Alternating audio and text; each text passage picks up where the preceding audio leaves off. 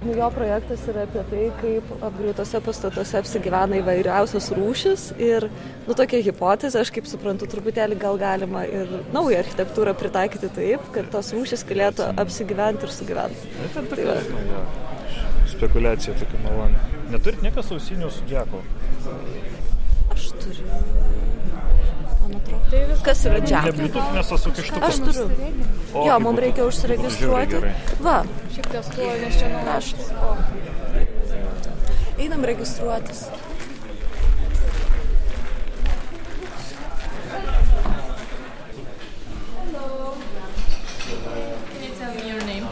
Yeah, we are from Architektūros fondas. Okay. Indrė, Leta, Justinas ir Sandra. Okay. You can take your badges, and I will find you on the list. Okay.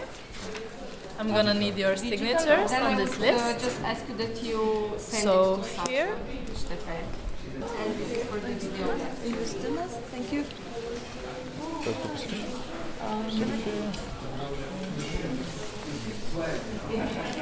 Na ir pipo čia bus. Taip, šitą mačiau jau, va, Justinas.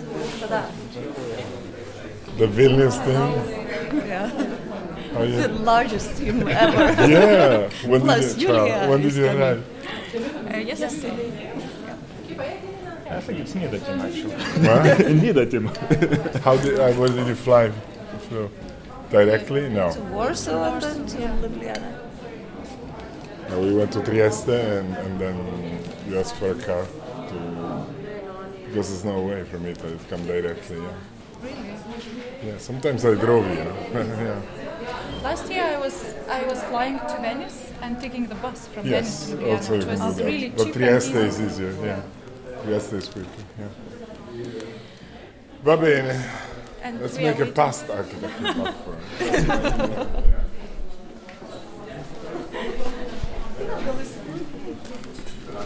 have a small anniversary here. Um, European Union and we have to goals. Our goals were think future, exchange, build commitment, and raise awareness. Nothing more important today than to think about the future. And uh, the ideas you send are amazing. Uh, we never expected that uh, the answer to our calls will be so big from the beginning, from the first year, and it's raising every year.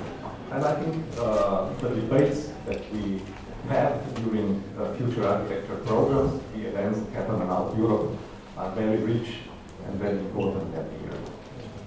And this is the moment where we start every year, where we come together uh, in person and we can talk and we can uh, create will happen around 12 cities in Europe this year we will start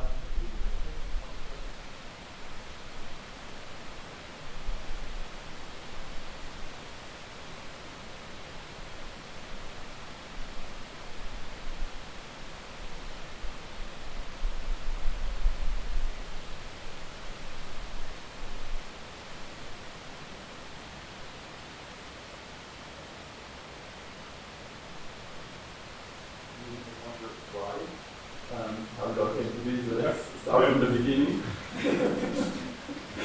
Um, it started innocently in a much smaller scale a couple of years back when we, we were working on a competition uh, to represent the country at the Venice uh, Biennale. And we were reading a lot, looking at a lot of maps and trying to find a way into how to represent the country. But we figured out that the more we read, the more maps we accumulate, and the more streets we walk, the closer we get the narratives that are already existing. We were kind of retracing knowledge that already existed, narratives that are already out there. And that's exactly not what we wanted. We were looking for the unknown, as we believe that in the unknown there's a potential to really spark a discourse on how society relates to its territory. And we wanted to see the people that live in this country, in their own country, with completely new eyes. But how do you get to the unknown, which by definition you don't know what it is or where it is? So we tried to figure out a strategy to get there and to discover a place that we already knew or supposedly knew and knew. And we had a twofold strategy. First, we defined a topic to investigate, and we chose the topic of remoteness, meaning the inaccessible. And by focusing on the inaccessible, we had to push the limits of what we were looking for. And secondly, we want to introduce an element of complete randomness to lead us to places that we would have never gone to uh, for any other reason. So we drew a straight line across the country and decided to walk from one border to the other border and just see what happens.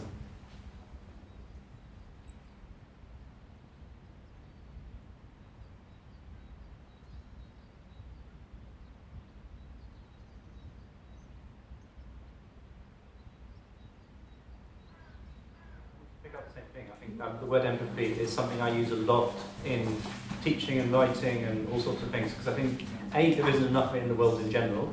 Um, empathy. A lot of people have sympathy for empathy, but also in terms of architecture, I think you touched on it with balconies. It's useful and it and it plays a bit what I was talking about in the other talks I saw, where the notion of architecture has to be about opening up possibilities and opportunities for people rather than creating uh, a story for someone else to live and that empathy is, is creating that space. Um, it's, it's allowing someone else to come into that conversation. I have nothing different to say that, but my personal practice and my personal beliefs are what you saw in these slides and this presentation, and this is the truth that I live and that I keep living. Probably I have the luxury that I'm not a practicing architect, but I'm someone who early on realized that my work is really much more related to urban anthropology and also uh, managing uh, different um, conversation of this kind. But yeah, I believe that the issue is how to open up, how to embrace, because this being an architect, it's really difficult to let go of who you are in terms of your authorship. But then, at again, you should be at service to people because this is all about the people and for the people. I have a question for Sonia. I loved your presentation. Um, and I was wondering if you have figured out a role for architects in which they can feel not defensive and disempowered by the empowerment of the um, occupant bricoleur that you show. Because I really like this a lot. If I imagine we do an exhibition in the Swiss Architecture Museum um, I can totally predict how all Swiss architects go in complete collective depression on the opening and say, "What are we here for anymore?" You know, um, they if they say this is architecture now, what does it make of us? And it's interesting that architects mostly, I mean, in, in very design conscious cultures such as Switzerland or maybe also Japan, um, have a hard time to establish a relationship that is amicable with the, with the occupant in the sense of saying, well, we do not 100% of architecture, we do a part of it, right? And then at some mo moment we give over to the occupant and we can feel happy about how she or he will continue this. But, you know, for instance, I would love to do a project about this. I really like this. And at the same time, I have to uh, uh, think about a, a way how can I not entirely alienate my constituency somehow. Do you have an idea how we could do that? Okay. it's that delicate? Okay.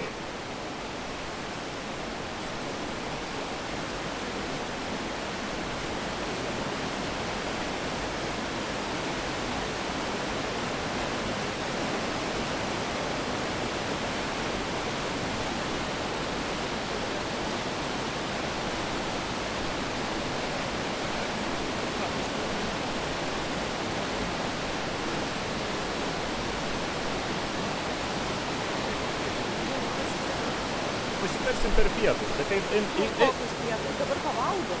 ne, aš manau, kad... Pavalgom, pavalgom. Aš manau, kad... Žiūrėk, nebegaliu nešti. tai mes. Ar tu psichologiškai negali nešti? Ne, tiesiog. Tai aš galvoju, kad vis tiek iki geležinkelio tunelio ir kraklių einam, tik tais ne tais takeliais, kur uždaryti, o ten, o ten šituo keliuku. Na va, Įvertinti kritiškai. įvertinkite kritiškai.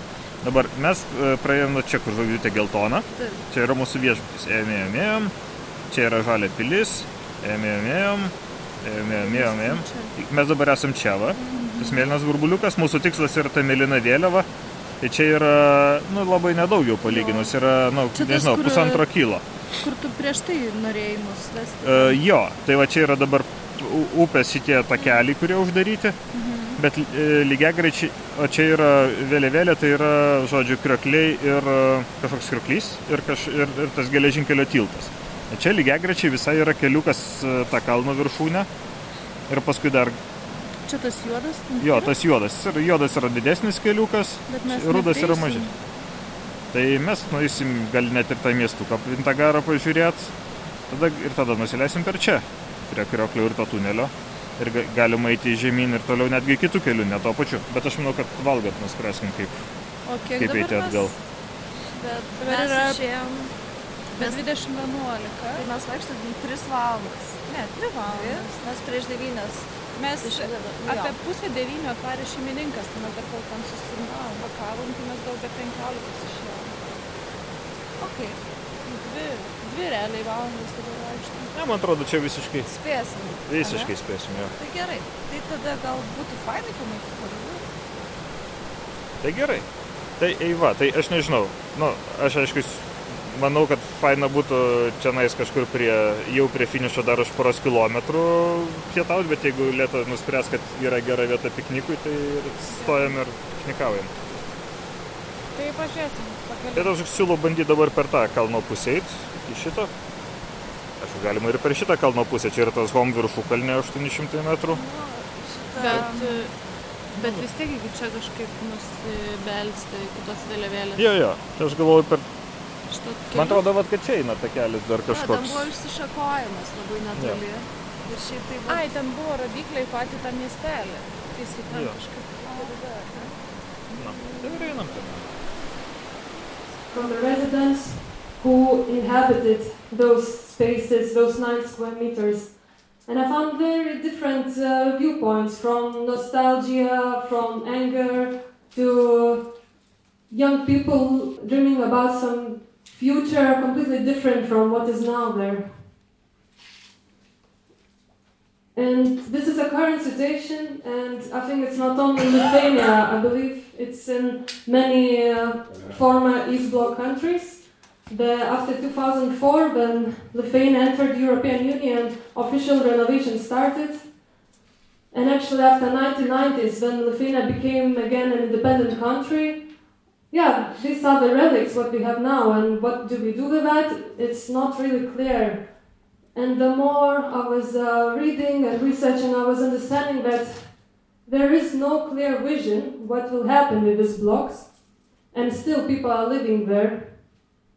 So then, uh, this kind of conclusion made me think back to 20th century and start looking at our examples and try to recycle the methods our people were imagining and the creating these narratives in the same time where the buildings were built.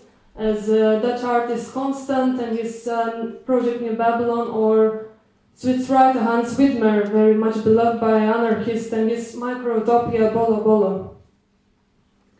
So this is a short introduction, which I want to finish with a quote from Lukas Feireiss. He says, "To create good fiction, one needs a special relation with truth, reality, and the everyday."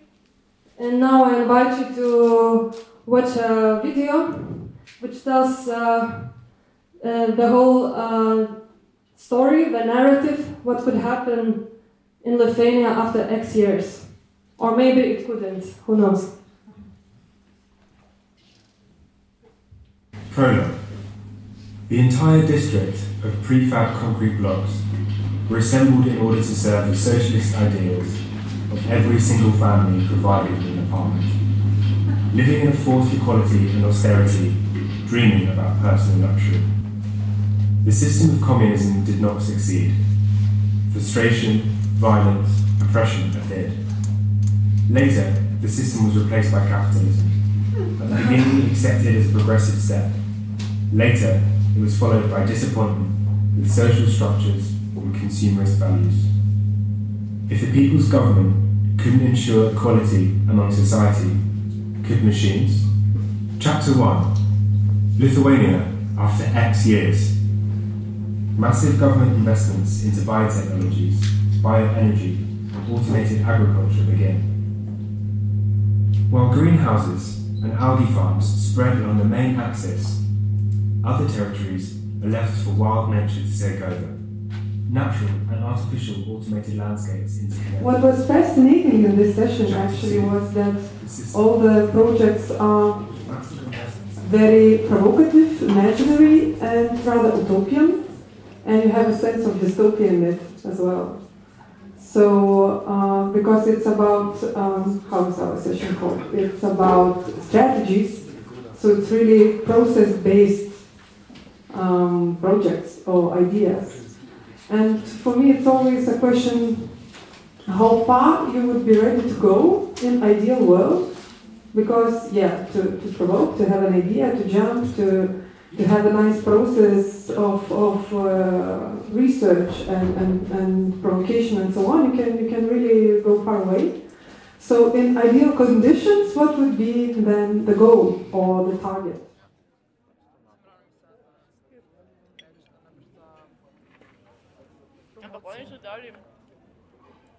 tabelo, ki jo tam in so v bistvu dali. Для это другие нужно? И расчиняюсь забыл. Насколько на тендеру склонны? Все те стори, ки за Я на тендеру регионали, и все там. Фата вот это. Фата превеч стržovala. Ja, vi su tako spadali da budu eksperimentirali.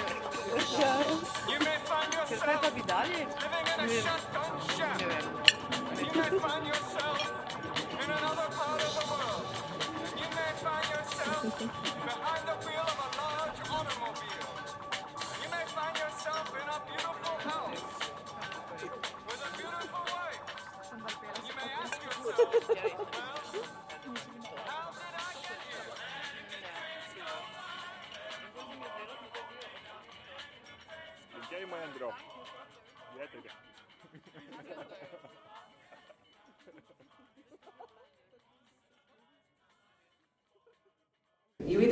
part or you're out.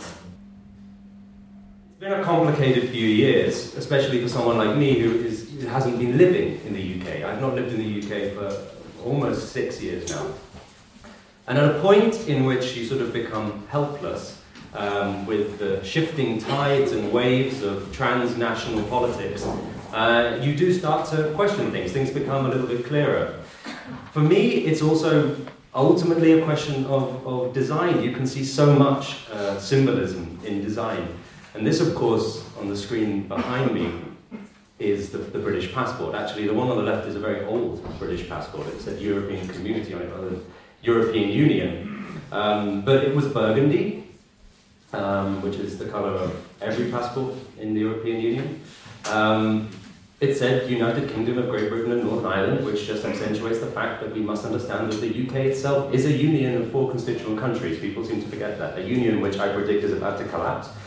And what we see on the right is the new passport of the United Kingdom that is being printed now, I think, and will go into full circulation in May. Anybody notice any differences between these two images?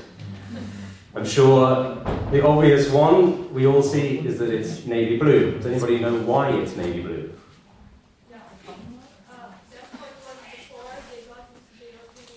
Absolutely. It's a vestige of empire, essentially. It is the colour of the British passport before, uh, well, uh, until the empire essentially collapsed. Um, also, other significant differences, as we see in this passport, the, uh, the, the coat of arms has been made bigger. And what I'm trying to say is these tweaks are very important to understand. They're, they're little moments of design. This is what Theresa May, the former Prime Minister, God bless her, of the United Kingdom, tweeted in, on December 22nd, 2017. The UK passport is an expression of our independence and sovereignty symbolizing our citizenship of a proud, great nation. That's why we have announced that the iconic blue passport will return after we leave the European Union in 2019. We were a bit late there. You know, the blue passport, the idea of the blue passport became a symbol for Brexit, one of, one of the first symbols, you know, even more even more important possibly than the whole iconography of flags or these sorts of things. Um, and it's important when we start to understand that this is now, I've few weeks, the new map of the European Union. Um, so fascinating map. I mean, what it means to for architects that we acknowledge the, that the transient of human civilization in the buildings, and perhaps, as Patricia MacCormack says, propose human extinction as the very least we can offer as an act of love to the planet. I'm not asking you to, you know, to go for extinction, no worries. Um, but there were more ruins in your ideas, ruins of war, as territory, as testimony, as a carrier, as generative potential for more than human alliances, ruins, fishes, and bullets, ruins of the abandoned urban areas, ruins of libraries walking across the open books, ruins, bodies as ruin, uh, body as ruin, being vulnerable. Today I'm extremely tired, and, and it's not that I want to talk about myself, but I will. uh, and has to do with this. So I have chronic fatigue, and it's, you know, it's very, very difficult sometimes to do anything. And it's because in an architectural trip, um, I got a tick bite and I got Lyme disease. And I recovered very well, but what stayed with me was chronic disease. What it connects is that actually the Lyme disease is growing and is very much connected to our processes of urbanization and climate change. Um, so our own actions are also creating certain forms of disease that in my case generate, generate uh, chronic fatigue. But it's an interesting relation between the ruin of the planet and the ruin of our bodies. So I want to ask for being more ruin, the adoption of the state of ruin, the humility, precarity is a political position. Perhaps it's a position that challenges the figure of the master, the heroic architect, or the extra productive one that works and studies 24 7. Or challenge the conventional tables and lines that have guided architecture and its dream of infinite progress, and the white masculinist subject that sees the world as its own possession. Tables, rings, lines. Thank you.